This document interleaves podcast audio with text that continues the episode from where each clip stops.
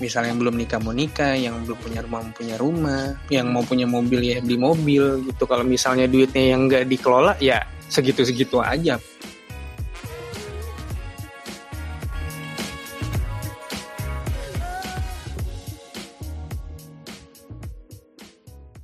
Halo Mut, Hai. kita podcast kali ini kita mau ngebahas apa lagi nih Mut kali ini? Bahas apa ya? Kita jangan bahas tentang karir-karir atau kayak pendidikan gitu lagi kali ya. Kayak yang lain aja nih, ya nggak sih? Iya bener sih. Nah kayak kita kan sebenarnya masih di umur, maksudnya range 20-an awal gitu. Dan kayak gue juga baru, maksudnya yang belum lama gue udah lulus kuliah, lo juga masih kuliah kan Mut ya. Nah terus menurut gue ini tahapan baru sih, maksudnya tahapan di mana kita udah mulai menurut gue sih lebih mandiri sih jauh lebih mandiri dibandingin sebelumnya dan kayak kalau orang kan bilangnya kayak ada ini kan quarter life crisis kayaknya ini agak agak merempet-merempet ke situ. Iya, nah, iya, makanya iya. sebenarnya salah satu yang bener-bener kerasa banget menurut gue sih dari segi finansial sih. Jadi kayak maksudnya gue ngerasa kayaknya gue nggak mau terlambat aja kalau misalnya gue bisa nge-manage finansial gue semudah mungkin kan jauh lebih baik gitu kan. Nah terus sekarang juga lagi ada pandemi dan kayak pasti ada perbedaan gitu gak sih? Maksudnya ketika lagi ada pandemi sama nggak pandemi gitu dan caranya gimana? Nah itu sebenarnya sih yang gue sering pikirin sih sekarang-sekarang. Lu juga gak, Mut? Sama gue juga, kan gue masih kuliah ya. Jadi gue nggak mau nanti pas gue udah kerja punya duit, gue malah bingung sendiri. Jadi gimana ya gue ngatur duitnya, kayak gue udah gak dapet duit dari orang tua, terus gue gak ngerti cara ngatur duit gue gimana. Jadi ini kita bahas tentang itu. Nah gara-gara itu, kayaknya ini pas deh, soalnya gue mau kenalin lo sama saudara gue, namanya Ando. Nah, dia kayaknya lumayan ngerti nih soal kayak gini-ginian. Dia sekarang soalnya kerjanya di Indo Premier. Mending kayak kita sapa aja sekarang. Hai Ando. Hai, halo Muci. Hai, Dok. Halo, halo, halo. Ando uh, jelasin dikit dong kayak sekarang lagi sibuknya apa. Terus mungkin backgroundnya sedikit kayak dulu kuliah jurusan apa. Terus kayak kerja di mana sekarang. Oke, jadi eh, sekarang gue bekerja di salah satu sekuritas di Indonesia yang bergerak di fokus di retail dan gue sekarang bekerja sebagai eh, brand manager yang di mana gue mengatur kegiatan marketing dan juga campaign dari sekuritas itu. Nah kalau gue kuliahnya dulu di Trisakti jurusan manajemen. Berarti lumayan ngerti ya tentang ngatur-ngatur duit. Udah nikah juga kan? iya benar. Kebetulan nikahnya sama sahabat lo juga, Muc. Kita mau bahas finansial atau mau bahas tentang ini, Mut? Ya? jangan, jangan. Nanti pada daftar jadi buka biro jodoh gue gawat. sebenarnya menarik sih. Gue mikirnya maksudnya kayaknya orang yang udah menikah tuh udah lebih mature gitu sih di- jauh dibandingin kita yang masih belum gitu ya. Eh, mungkin kalau bisa dibilang mature-nya itu sebenarnya relatif ya mature-nya itu kalau menurut gue pribadi ini karena ini gue eh, balik lagi gue sharing aja ya bukan menggurui dan gue juga bukan konsultan hubungan bukan juga konsultan perencanaan keuangan tapi sebetulnya kalau untuk pernikahan itu yang harus dimatengin itu adalah dari sisi mental. Karena kalau gue perhatiin ya mostly rata-rata gaji first jobber sampai dengan mungkin let's say 5 tahun kerja itu sekitar 30 sampai 70% itu akan habis di operasional mereka sehari-hari. Mulai dari ongkos mulai dari eh, biaya hidup Nah, kalau misal kita di jalan ketemu sama orang yang ya menurut lo gitu lo udah udah yakin, dia juga udah yakin, tapi keuangan lo itu belum mapan ya. Maksudnya ya itu kan relatif mapan itu apakah dia bisa beli rumah atau bisa beli mobil. Nah, kalau misalnya kayak gitu ya tinggal antara diri lo dan calon lo itu apakah mau membangunnya bareng-bareng atau calon lo itu biasanya eh, karena gue cowok ya ya gue lihat dari sisi gue gue belum mapan dikomunikasiin gitu. Dia mau jalan bareng atau enggak? Menarik sih, menarik sih. gue ini kayaknya isi kepala lo kan. karena benar kalau, kalau misalnya kita lihat katakanlah di Jakarta rate first jobber itu gue nggak tahu ya kalau sekarang ya kalau gue dulu rata-rata first jobber itu 3 jutaan di eh, industri yang umum. Karena paling banyak itu kalau dulu ya gue pertama kali kerja itu sekitar 2013-2014 itu paling banyak role yang eh, bisa menyerap banyak pekerja itu di sales and marketing. Atau mungkin di eh, sekitar finance and operasional nah itu rata-rata 3 juta. Bayangin aja 3 juta. Di zaman dulu 3 juta itu gue kalau sebulan mungkin sisanya paling banyak ya karena kalau di Jakarta itu ongkos menurut gue lumayan ya. Apalagi eh, zaman gue dulu awal-awal kerja karena kebetulan tempat kerja gue itu kayak jauh gitu, akhirnya gue harus bawa kendaraan sendiri, mobil. Berarti gue harus isi bensin dan ujung-ujungnya gue cuma bisa save 500 ribu itu paling banyak gitu. Nah balik lagi pertama kali gue kerja, gue eh, belum ngerti cara mengelola keuangan salahnya. Ya pastilah. Betul. Si awal-awal pasti gitu ya. Betul. Dan biasanya ada ada sindrom nih, Eh, bukan sindrom ya, mungkin karena kaget kali ya yang tadinya nerima uang dari orang tua, terus akhirnya eh, bisa cari uang, akhirnya ya mungkin sedikit foya-foya lah, lifestyle-nya mulai ningkat lah gitu. Iya bener sih. Maksudnya sebenarnya seberapa maksudnya mature atau enggaknya lo sebenarnya balik lagi ke kalau tadi lo bilang kan sebenarnya lebih ke mentalnya berarti kan. Nah terus sebenarnya tadi gue jadi menarik sih maksudnya kayak lo bilang kan misalnya kita punya gaji maksudnya misalnya cukup atau enggak itu kan udah tergantung dari diri kita masing-masing gitu kan. Tapi gue tuh sering denger juga namanya kayak apa finansial literasi kan. Jadi kayak finansial literasi orang tuh sebenarnya di Indonesia katanya masih kurang. Terus gue tapi masih agak bingung sebenarnya finansial literasi itu apa sih kayak lo ada gambaran gak kayak finansial literasi itu gimana menurut lo gitu? Oke, jadi finansial literasi itu sebenarnya intinya gini, pengetahuan basic lo tentang uang, gitu aja. Jadi misalnya lo punya duit, duit ini mau lo apain? Mau lo gunakan kayak gimana? Mau lo tabung atau mau lo investasiin? Nah, abis itu luas lagi. Investasinya ke mana, lu tabungin mau ke mana, dan eh, ya lu spendingnya berapa persen dari gaji lo. Kayak gitu sih sebenarnya intinya. Kalau menurut gue soal finansial literasi. Nah, gue pun sebenarnya gue dulu kebetulan bekerja di media ya. Dari situ Dulu ya? Iya dulu sama kali sampai gue akhirnya kerja di sekuritas. Nah, Oke. sebelum gue kerja di sekuritas, gue memang udah buka rekening investasi. Nah, tapi gue buka itu rekening investasi, pengetahuan gue masih minim. Jadi gue nggak tahu mau investasi di mana, mau berapa gue investasinya. Sampai gue kerja di perusahaan sekuritas itu, dan akhirnya ya syukurnya gue dapet apa namanya informasi tentang keuangan lebih banyak di situ karena ya itu emang kerjaan gue gitu Oke oke. Nah eh, tadi kan lo juga bilang tentang sebenarnya apa pun tentang uang gitu. Misalnya kayak lo berarti anggapannya dapat gaji, terus pertanyaannya gaji ini mau buat apa gitu kan? Sebenarnya pengetahuan supaya lo bisa mengatur keuangan itu supaya eh, intinya bisa buat ke depannya bisa buat masa tua lo atau misalnya hidup lo lebih bahagia dan lain-lain kan. Berarti intinya gue ngeliatnya ada pemasukan dan pengeluaran gitu kan. Nah kalau lo sendiri sebenarnya bener-bener ini gak sih nge-manage si pengeluaran dan pemasukan itu bener-bener lo planningin kayak misalnya sebulan ini gue pengeluaran berapa pemasukan berapa sedetail itu atau enggak sih sebenarnya?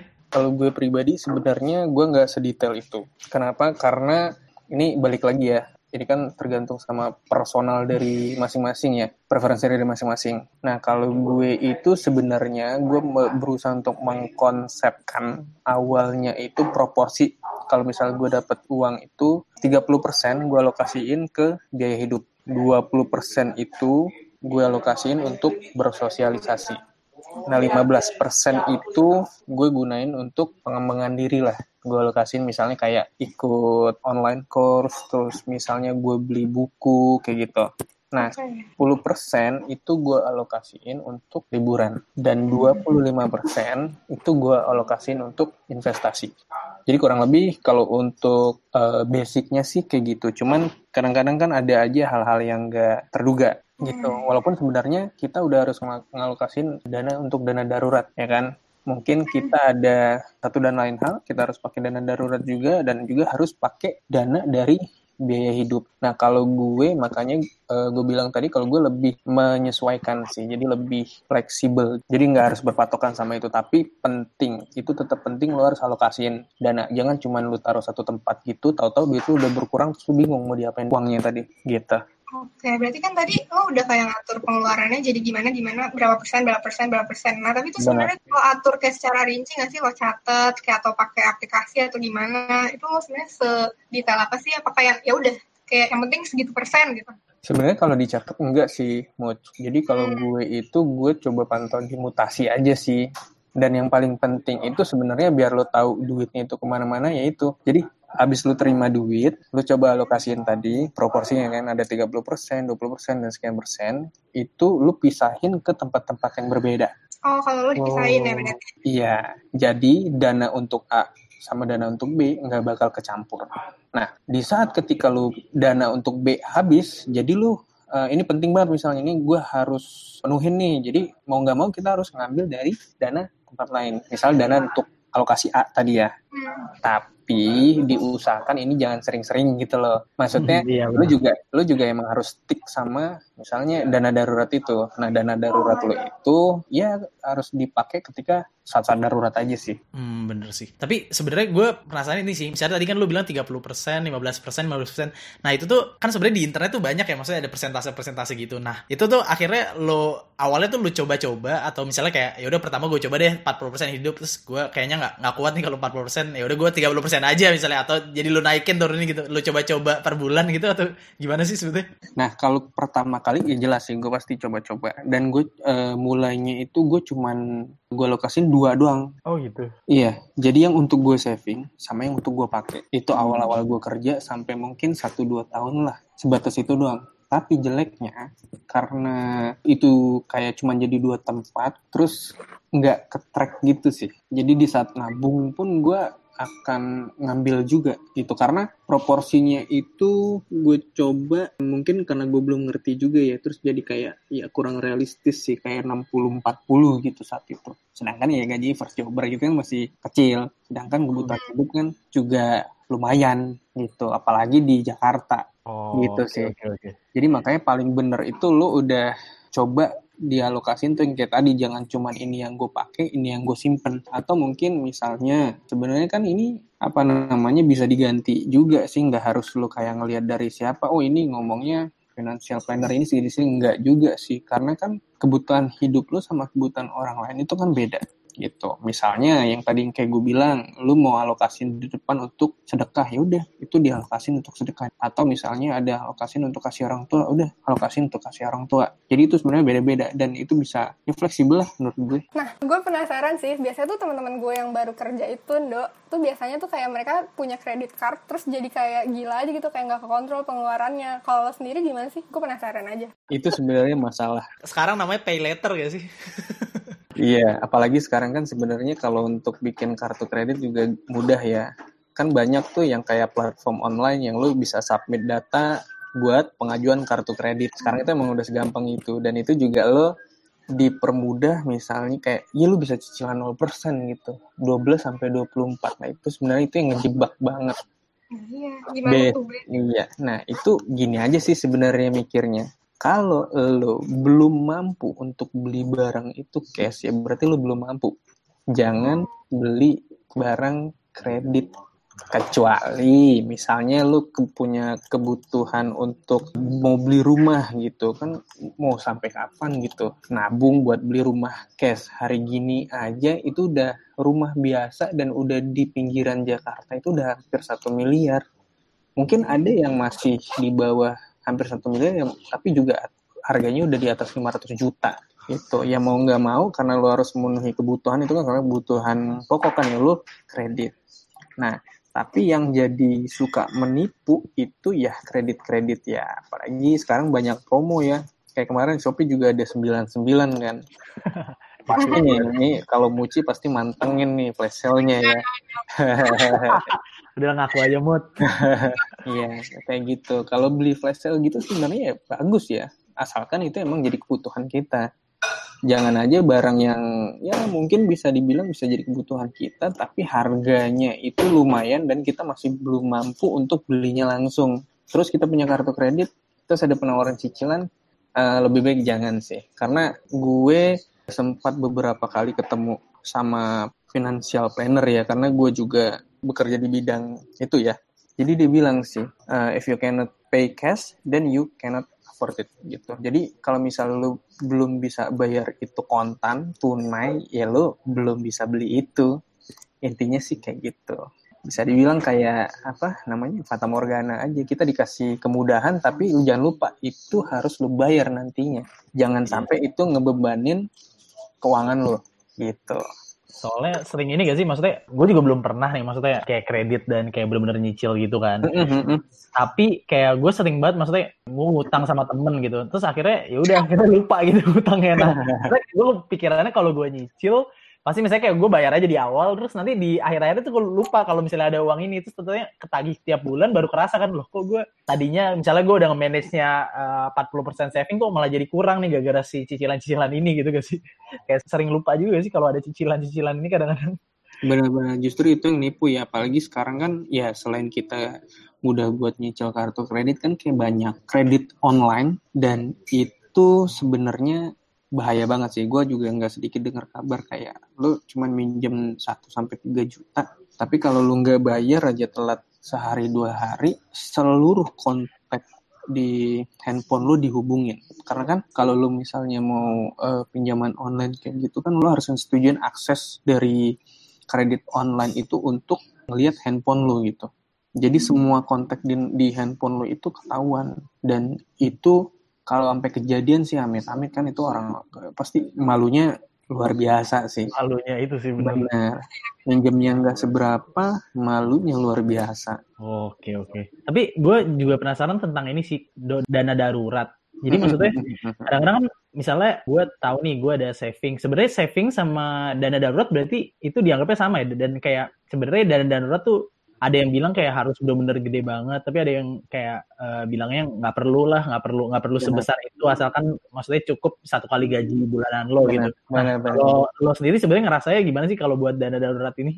Nah jadi untuk dana darurat ini sebenarnya gue kalau misalnya kita lihat ya webinar dari finansial eh, seminar dari financial planner kayak gitu-gitu kan biasanya ngomongnya dana darurat itu minimal tiga kali dari pengeluaran lo sebulan. Jadi sebenarnya dana darurat itu kan maksudnya kayak ya lu kan sekarang kerja. Nah, kalaupun misalnya lu nggak kerja, lu masih punya backup. Jadi tiga bulan ke depan lu masih aman. Tapi kembali lagi itu kan dulu. Sekarang kan udah di saat pandemi. Kita kan nggak tahu juga. Sekarang kan udah benar-benar kita nggak tahu nih nggak bisa nebak arahnya kayak gimana. Ada yang bilang vaksin akan dapat di akhir tahun ini, ada yang bilang 2021 belum ada vaksin. Nah, makanya sekarang itu lebih baik minimalnya itu kalau emang bisa mulai dari sekarang itu lo sisihin dana darurat itu dipersiapin itu 12 kali. 12 kali? Ya, 12 kali pengeluaran. Karena kan kita nggak tahu ini sampai kapan. Gue jadi kepikiran maksudnya tentang kepemasukan gitu ya kan maksudnya gue tuh sering lihat ya maksudnya sering baca juga kalau misalnya uh, kita kerja itu tapi kita tetap harus punya side hustle gitu kan. Nah Bener. tapi kan kadang-kadang kita kerja juga sebenarnya udah berat banget ya maksudnya kadang kadang sampai lembur terus ada yang maksudnya jadi kayak me time kita habis sama misalnya sama keluarga kita habis gara-gara kita lembur terus. Nah terus tapi ada pikiran juga kalau tetap harus ada side hustle gitu-gitu. Nah kalau lo sendiri ada ini gak pengalaman gak tentang kayak nyoba-nyoba side hustle side hustle gitu Iya, um, kalau pengalaman itu sih jelas ada ya. Apalagi di saat kayak ya lu udah punya rencana merit, gue. Ah, gua. Ya. ya ampun, gue suka banget topik ini, please. nah, nanti lu akan ya, kalau kalau gue ya, kalau gue um, akan mencoba saat itu ya, gue coba untuk berpikir lebih untuk biar gimana nih dana untuk persiapan pernikahan gue bisa nambah lebih cepat ya kita nggak mungkin kan bos. Gue mau naik gaji. Atas dasar apa lo minta naik gaji gitu. Ya kan? Kecuali emang lo kasih promosi ya mungkin lah lo bisa naik kayak gitu. Tapi kalau enggak ya lo harus ngejalanin side hustle gitu. Nah side hustle sebenarnya kan banyak ya. Dan itu juga tergantung dari masing-masingnya juga. Yang jelas sih kalau menurut gue side hustle itu lebih kayak ya mirip-mirip sama bidang lo deh jadi lu nggak harus berpikir keras karena gini, kalau misalnya dua bidang berbeda, lu harus menempatkan posisi di pikiran lu saat itu ke sana. Terus di sisi lain lu harus mikirin tentang kerjaan lu juga. Itu menurut gue ya itu bikin jadi mumet sih. Nah kebetulan kalau gue kemarin sih masih mirip-mirip ya. Contohnya gimana? Nah karena gue gue kan uh, di di marketing ya di brand dan gue ngurusin campaign, digital marketing, sosial media dan lain-lain. Nah saat itu gue uh, bikin agensi kecil-kecilan untuk ngerjain sosial media, digital marketing gitu. Iya sih, maksudnya kalau emang bener-bener sebeda itu, maksudnya apalagi misalnya kayak pengetahuannya bener-bener lu butuh pengetahuan hmm. dan nggak ada relatednya sama sekali. Kayak ya udah bener-bener dua hal yang bener-bener berbeda, jadi yes. itu bener-bener bakal sulit. Tapi kalau ada misalnya ada irisannya itu jadi lebih mudah buat dilakuin gitu ya. Bener banget, karena itu ya kalau misal bidang baru ya lu harus pelajarin lagi sih yang jelas. Kecuali lu memang menguasai uh, bidang itu. Itu walaupun dari awal ya. Benar, walaupun itu enggak sama uh, sama bidang yang lo kerjain sekarang di pekerjaan lo gitu. Berarti itu kan sebenarnya tadi yang tadi lo bilang sebenarnya maksudnya untuk mencapai tujuan lo lebih cepat bukan cuma dari kerjaan aja, dari gaji kerjaan, tapi misalnya bisa set hustle ataupun bisa kayak berbagai hal kan tadi misalnya kan lo bilang ada investasi juga dan ada hal, lain. Tapi yang paling penting berarti sebenarnya emang mindset kita yang emang bener-bener ngelola uang ini maksudnya nggak cuman kita dapat terus udah tapi kita kayak kita harus puterin juga uangnya ini ya gimana caranya biar supaya mempercepat tujuan kita tadi benar iya kayak gitu soalnya kalau misal lu diemin aja gitu ya bakal habis-habis aja sih sebenarnya uang lu. Dan tentunya kan kita di masa depan tuh kan punya goals. Misalnya yang belum nikah mau nikah yang belum punya rumah mau punya rumah yang mau punya mobil ya beli mobil gitu. Kalau misalnya duitnya yang nggak dikelola ya segitu-segitu aja. Apalagi kalau misalnya pengeluaran lu gede gitu. Nah, tapi gue sebagai orang yang sangat awam sebenarnya bedanya investasi sama nabung biasa tuh gimana sih? Kayak emang sebeda itu dan sepenting itu dan sesignifikan itu gitu. Betul. Jadi gini sebenarnya kalau misalnya nabung itu ya lu punya duit lu dapet duit lu taruh nih di bawah bantal itu sebenarnya nabung. Lu taruh di celangan itu nabung. Nah kalau investasi itu ya lu mengelola uang lu sendiri biar lo bisa dapetin hasil atau lo bisa nungguin uang sebenarnya kayak gitu. Jadi investasi itu sebenarnya banyak ya. Lo kalau misalnya kalau misal kita ngomongin aset itu sebenarnya ada real dan ada yang di sektor keuangan.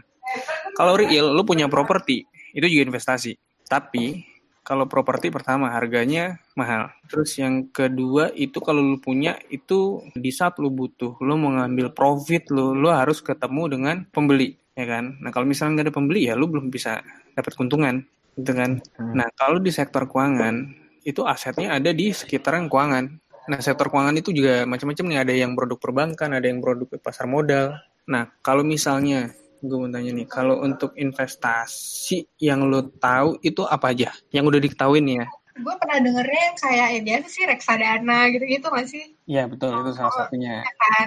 Uh, tapi pasti yang paling banyak diketahui sama orang-orang ya itu hmm. yang paling gampang itu karena kan kita pasti semua punya rekening bank ya itu hmm. pasti deposito. Iya deposito. Nah, nah itu juga sebenarnya salah satu instrumen investasi yang ada di perbankan. Nah kalau untuk yang lainnya itu ada kalau di pasar modal ya itu ada saham, hmm. ada reksadana, ada obligasi hmm. gitu. Bedanya apa tuh? Mudahnya tuh gini saham itu adalah bukti kepemilikan lu punya perusahaan. Nah, kalau dari situ lo bisa dapatnya itu dari capital gain sama dari dividen. Capital gain itu misalnya lo kayak gini aja deh sama kayak beli properti tadi, gue beli 600 juta, gue jual 700 juta. Nah, saham itu bisa dapat keuntungan juga kayak gitu, gitu. Nah, kalau reksadana, reksadana itu beda lagi, Muc. Reksadana itu kan kalau saham kan lu kelola sendiri kalau reksadana itu dikelola sama manajer investasi. Hmm, tapi mereka hal yang sama sebenarnya. Cuman beda yang ngelola doang. Lebih dari itu sih sebenarnya. Jadi simpelnya itu reksadana itu kayak burger. Jadi burger itu kan ada roti, ada daging, ada sayur, ada acar ya. Ya ada banyak lah. Ada banyak. Nah, burger itu reksadananya. Yang masing-masing layer itu jenis-jenis isinya. Ada saham, ada obligasi, ada deposito, Nah, terus lu nikmatin itu lu sekali gigit. Oh, I see. Dapat semua. Gitu. Ya? Iya, jadi lu dapat semua dari situ. Dan yang masaknya itu, yang bikin burgernya itu adalah manajer investasi. Hmm, terima jadi ya jadi. Terima jadi, betul. Hmm. Tapi sebenarnya kan tadi itu ada banyak ya maksudnya investasi maksudnya ada saham, ada maksudnya kalau gue juga pernah ada forex, terus ada properti tadi yang dibilang. Nah sebenarnya yeah, untuk yeah, yeah. kayak investasi yang tepat buat kita gitu. Apalagi kita maksudnya gue kerja baru uh, belum lama atau misalnya Mucia yang dia masih kuliah gitu. Sebenarnya nentuin uh, investasi mana yang tepat buat kita gitu. Sebenarnya kan kadang-kadang yang bikin bingung kan itu kan kayak ada banyak banget pilihannya terus yang mana Bener. nih yang yang tepat gitu yang bisa perspektifnya cocok gitu Jadi gini, sebenarnya kalau untuk investasi itu lo harus tentuin dulu sih, gue tujuan lo, tujuan lo investasi itu buat apa sih, gitu. Karena dari investasi itu masing-masing ada jangka waktunya. Nah, ya balik lagi yang jelas lo harus cari tahu tujuan dan eh, lo tahu kira-kira mau naik berapa persen ya lo harus riset tuh instrumen investasi apa yang tepat biar gue bisa mencapai tujuan gue. Nah itu yang pertama ya. Nah terus yang kedua itu lo harus tahu profil risiko lo. Hmm, nah itu dia tuh barusan baru aja gue mau nanya. Jadi seberapa besar lo itu bisa ngambil resiko. Eh kalau lo orangnya gokil nih, misalnya ya udah gue duit gue taruh satu juta, duit gue hilang sejuta itu nggak masalah. Yang penting gue udah nyoba investasi. Itu berarti agresif profil risiko lo. Jadi kalau misalnya kita bilang instrumen investasi yang agresif itu salah satunya adalah saham. Karena saham itu kan pergera- pergerakan harganya itu kan per detik. Mau lebih ekstrim lagi itu forex itu fluktuatif banget. Nah, tapi itu gue sebenarnya gue kurang tahu karena itu kan di luar pasar modal. Itu Hmm. kan foreign exchange ya, eh, mata uang yang didagangin. Jadi gue kurang tahu kalau itu. Nah, jadi saham itu sebenarnya salah satu instrumen investasi yang agresif gitu. Tapi kan balik lagi ya, semakin besar tingkat resiko, maka semakin besar juga tingkat keuntungan yang bisa didapetin. Jadi ini berbanding lurus nih. Jadi makanya kalau misalnya ada investasi tanpa resiko itu bohongnya udah ampun-ampunan tuh gitu. Nah, terus kalau misalnya lu eh, oke gue nabung satu juta tapi gue takut deh kalau misalnya gue rugi gitu. Ya gue relanya ya kalau rugi cuman 200 300 deh maksimal gitu. Nah, itu bisa dibilang moderate. Nah, kalau moderate itu kalau di pasar modalnya itu instrumen investasinya reksadana. Kenapa dia moderate? Nah, moderate-nya itu karena jadi gini, Muts, kalau saham itu kan lo beli saham A. Jadi uang lo akan ditaruh ke saham A semua. Nah, tapi kalau lo beli reksadana B, reksadana A, reksadana B, ya, reksadana apa aja lah. Pokoknya lo beli reksadana, itu sebenarnya kan tadi gue bilang, di dalamnya itu, di reksadana itu kan kayak burger gitu. Jadi ada lapis-lapisannya. Jadi resiko lo itu sebenarnya udah diredam sama manajer investasinya. Jadi kalau misalnya kalau kita ngomong burger tadi, duit lo di roti itu rugi, tapi di dagingnya kan belum tentu rugi. Jadi yang daging ini bisa nutupin kerugian lo yang dari eh, roti tadi, kebayang nggak? Paham paham. Nah gitu. Jadi secara langsung reksadana itu emang udah eh, resiko lo tuh udah dimitigasi, udah dikurangin. Terus kalau misalnya resiko lo itu em, rendah, duh, gue kalau bisa jangan sampai rugi deh. Ya udah maksimal 50 ribu, 100 ribu. Kalau itu instrumen investasi yang tepat itu bisa dibilang sih deposito. Deposito itu tahu gue kayaknya nggak dia akan dapat fix rate terus kan. Kalau misalnya gue jebret nih, gue eh, investasi sekian ya lu dikasih rate-nya 6% ya udah, lu akan dapat itu 6% per tahun. Tapi kalau di deposito itu kan ada periodenya. Kalau misalnya lu kontraknya satu tahun, terus 8 bulan lu tarik, itu akan ada penalti. Oke, tapi kalau lo sendiri mulai pertama kali kayak investasi gitu kapan sih? Gue pertama kali mulai investasi itu sebelum gue kerja di perusahaan sekuritas ini sih, yang tempat gue kerja sekarang. 5 sampai 6 tahun yang lalu lah kurang lebih. Oke, dan pertama kali jumlahnya itu berapa? Penasaran lu Mute. Iya, maksud gue jadi orang-orang yang mau mulai tuh kayak ada bayangan kayak harus segini gak sih, harus segini, iya gak sih? Mhm. Kalau gue itu pertama kali gue investasi di saham itu gue beli 3 juta sahamnya. Jadi gue punya duit 3 juta gue langsung investasiin ke saham. Ya karena saham itu harus dicoba ya gue apa namanya harus dicobain dulu ya karena gue belum pernah investasi sama sekali dulu awalnya akhirnya gue komit 3 juta ya udah gue masukin ke saham. Lo kan bilang pas awal-awal kerja sebenarnya lo nggak langsung mulai buat invest kan. Benar. Mhm. Nah itu lo memutuskan untuk mulainya gara-gara apa? trigger gue mau investasi dan gue langsung beli saham itu adalah gini kan kebanyakan kalau misalnya kita lihat orang kaya orang terkaya nomor satu nomor dua. Selain dia punya bisnisnya yang emang udah gede banget dia juga kalau bisa kita lihat di berita ya itu dia ada ngomong tentang saham. Apalagi kalau misalnya tahu orang sekarang orang terkaya nomor berapa gitu ya? Warren Buffett. Nah dia kayanya dari saham. Nah jadi intinya motivasi gue dulu ya awal-awal. Sebenarnya sesimpel itu gue pengen kaya. Tapi sebenarnya gini loh kalau misalnya ya bisa dibilang ya kesempatan untuk untuk menurut gue ini secara personal kesempatan untuk kayak di pos pasar modal itu sebenarnya chance-nya masih tinggi ya. Kayak quote unquote ya kayaknya itu balik lagi ya relatif tergantung dari persepsi masing-masing ya. Kalau dari gue pribadi sih gue ngeliatnya chance untuk kaya di pasar modal itu masih tinggi. Kenapa? Karena sampai dengan saat ini masih sekitar 2 jutaan lah ya kurang lebih investor pasar modal. Sedangkan di Indonesia itu 260-an ya, 260 60-an juta ya penduduk. Hmm. Jadi lu bayangin tuh kalau misalnya udah lebih banyak lagi itu akan lebih banyak dana yang masuk ke pasar modal. Jadi seharusnya akan lebih lebih aktif lagi pergerakan di pasar modal. Karena kalau kita ngomongin saham itu banyak sih yang gue juga baru tahu semenjak gue kerja di sini yang orang-orang emang udah proven yang dia berhasil dengan investasi saham gitu. Tapi berarti motivasi lo bener-bener karena ya udah pengen kaya gitu awal.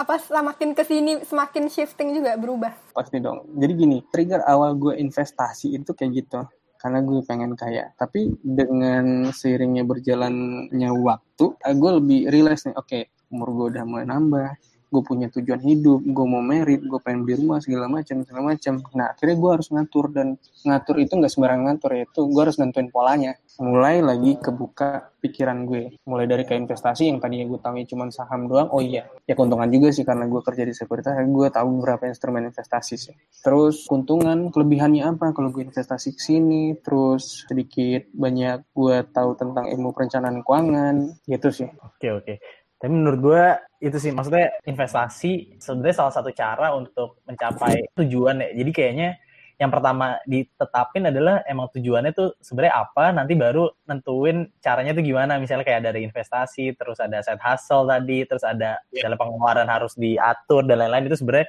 semua tergantung dari tujuannya itu juga dan tiap orang beda-beda berarti ya. Benar nah, benar benar. nah sebenarnya jadi kan intinya di podcast ini kita kan juga ada uh, namanya challenge gitu kan. Jadi kayak challenge buat misalnya seminggu ke depan itu apa yang akan kita lakukan gitu. Maksudnya as a uh, yang dengerin ataupun gue sama Mucia tapi uh, berhubungan sama episode tersebut. Nah, misalnya kalau sekarang kan berarti tentang uh, manage keuangan. Nah, jadi kayak ada gak sih kalau dari lo tuh kayak hal kayak fundamental aja gitu yang bener-bener lo itu pertamanya banget gitu pertamanya banget buat lebih bisa nge-manage keuangan ataupun finansial literasi ini itu challenge apa gitu? Oke, mungkin ya pertama lo harus challenge-nya adalah proporsi alokasi keuangan lo. Itu yang pertama. Jadi lo harus udah bikin pola. Jangan bukan kayak gue dapat sekian, gue misalnya ngomongin gaji sekian juta, gue simpen sekian juta, gue kemanain gitu enggak.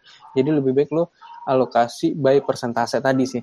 Oke, berarti hmm. sedetail itu gitu ya. Jangan cuma sekedar masuk berapa, ya. keluar berapa, ini ke mana gitu. Kalau misalnya tadi gue bilang kan ada berapa ya? Tadi ada lima aspek ya. Biaya hidup, hmm. sosialisasi, uh, mengaman diri, liburan, sama investasi. Nah, mungkin challenge-nya bisa, ya udah lu atur aja sesuai dengan kebutuhan lo. Misalnya mau ditambahin lagi yang kayak gue bilang tadi ya sedekah gitu ya lu masukin aja sedekah alokasinya jadi ada enam aspek gitu. Oke okay, oke okay, oke. Okay. Jadi sesuaikan aja. Alexi berarti sebenarnya intinya lebih ke yang pertama ngecek diri kita sendiri juga maksudnya diri kita tuh sebenarnya butuhnya itu proporsinya kayak gimana terus kita research juga nanti uh, sebenarnya ada apa aja sih yang dibutuhin dan mungkin ada gambaran berapa persen berapa persen gitu kan. Nah nanti baru yeah. kita tentuin sebenarnya yang menurut gue pertama kali kita coba dulu deh dengan presentasi yang ini gitu misalnya. Iya yeah. presentasi itu mungkin kalau misalnya mau ditambah ya tadi gue kayak uh, lu research aja tentang pertama lu lihat profil resiko lo dan lu punya tujuan keuangan apa dan lu coba decide oke okay, gue cocoknya di instrumen investasi uh, saham, reksadana atau apalah gitu. Oke, okay, oke. Okay. Menarik sih nih pembahasan diskusi dan obrolan kita hari ini. Berbobot. Gimana gue iya, gimana gue lo lo kan udah tahu ya lebih tahu dari gue kalau gue sih ini kayak jujur jadi melek sih jadi lumayan melek apalagi gue backgroundnya benar-benar nggak nggak ngerti banget. Kayak walaupun lingkungan rumah gue banyak orang ekonom gue benar-benar nggak ngerti. Lalu nggak terlalu segitu berpengaruhnya iya ya gue benar-benar nggak ngerti. Kayak ya udah jadi ini jadi lumayan lah gue dapet sesuatu gambaran. Kalau lo gimana? Gue sih sejujurnya emang mungkin gue beberapa gue suka lihat dan kayak sering baca-baca gitu ya. Cuman yang gue dapetin sebenarnya ini lebih ke pertama perspektif sih. Perspektif orang emang beda-beda dan menurut gue menarik aja perspektifnya dan yang lebih gue agak uh, berpikir lagi sebenarnya tujuannya sih. Jadi maksud gue kadang-kadang gue tuh ya udah let's gue ya udah kita coba aja dulu. Maksudnya gue selalu mikirnya kayak ya udah coba-coba gitu kayak ya udah kita mulai aja. Tapi gue nggak balik lagi ke tentang tujuannya. Jadi kayak menurut gue kayaknya emang yang paling penting sebenarnya udah tetapin tujuannya baru kita pikirin apa aja yang harus kita lakukan untuk mencapai itu sih. Mungkin kayaknya itu sih menurut gue yang harus PR gue jadinya. Itu kalau itu personal ya. Jadi kalau misalnya udah ibaratnya gini, kita mau jalan tapi kita udah punya bekal kan. Jadi kita eh, punya persiapan di jalan. Jangan sampai lu jalan tapi lu nggak punya bekal apa-apa gitu. Itu kalau menurut gue sih bisa celaka. Apalagi kalau misalnya lu udah coba ke A tapi sadarnya lama, oh ternyata gue salah. Jadi lebih baik lu persiapan di awal, udah mateng mau investasi ke mana, ya udah tinggal lakuin dan jalanin gitu sih. Oke, kalau gitu thank you banget ya Ando udah mau sharing dan cerita-cerita di sini. Iya, sama-sama. Semoga yang lain juga eh, ini bisa bermanfaat buat yang lain gitu sih. Siap. Oke, nanti mungkin kalau ada yang mau ikutan challenge-nya bisa juga uh, mention Ando atau mention gue dan Hugo nanti ada di description ya, Go. betul sekali Oke, kalau gitu, see you on the next episode of Bermula dari Langkah, karena perubahan besar dimulai dari langkah kecil.